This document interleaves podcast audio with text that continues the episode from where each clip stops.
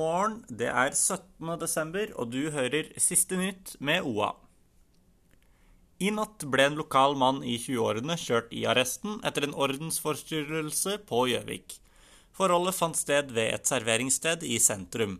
Han nektet å forlate stedet, og oppførte seg ufint mot vektere og politi, opplyser politiet tirsdag morgen. Mannen skal ha vært i håndgemeng med vakter på stedet, og ble håndtert med fysisk makt da han nektet å etterkomme politiets pålegg.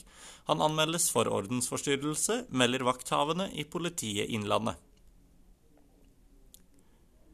Hadelendingen som var siktet for overgrep mot seks unge jenter, er nå siktet for ny voldtekt.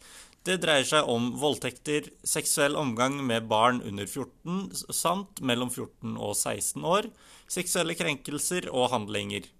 Hadelendingen ble pågrepet i fjor november og har sittet i varetekt siden den gang.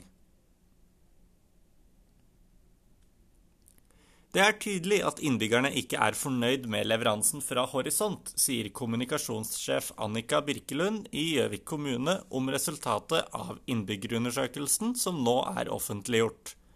Over 6000 tilbakemeldinger fikk kommunen i juli. Administrerende direktør i Horisont Steinjæver sier at de må ta inn over seg at de har en del utfordringer i bransjen, spesielt på vinterstid, men minner også på at abonnenten har et ansvar i å tilrettelegge for søppelhenting. Terje Bråten og Bjørn Åge Skeide har planer om å bygge borettsleiligheter på Raufoss, som de kaller Slåtten.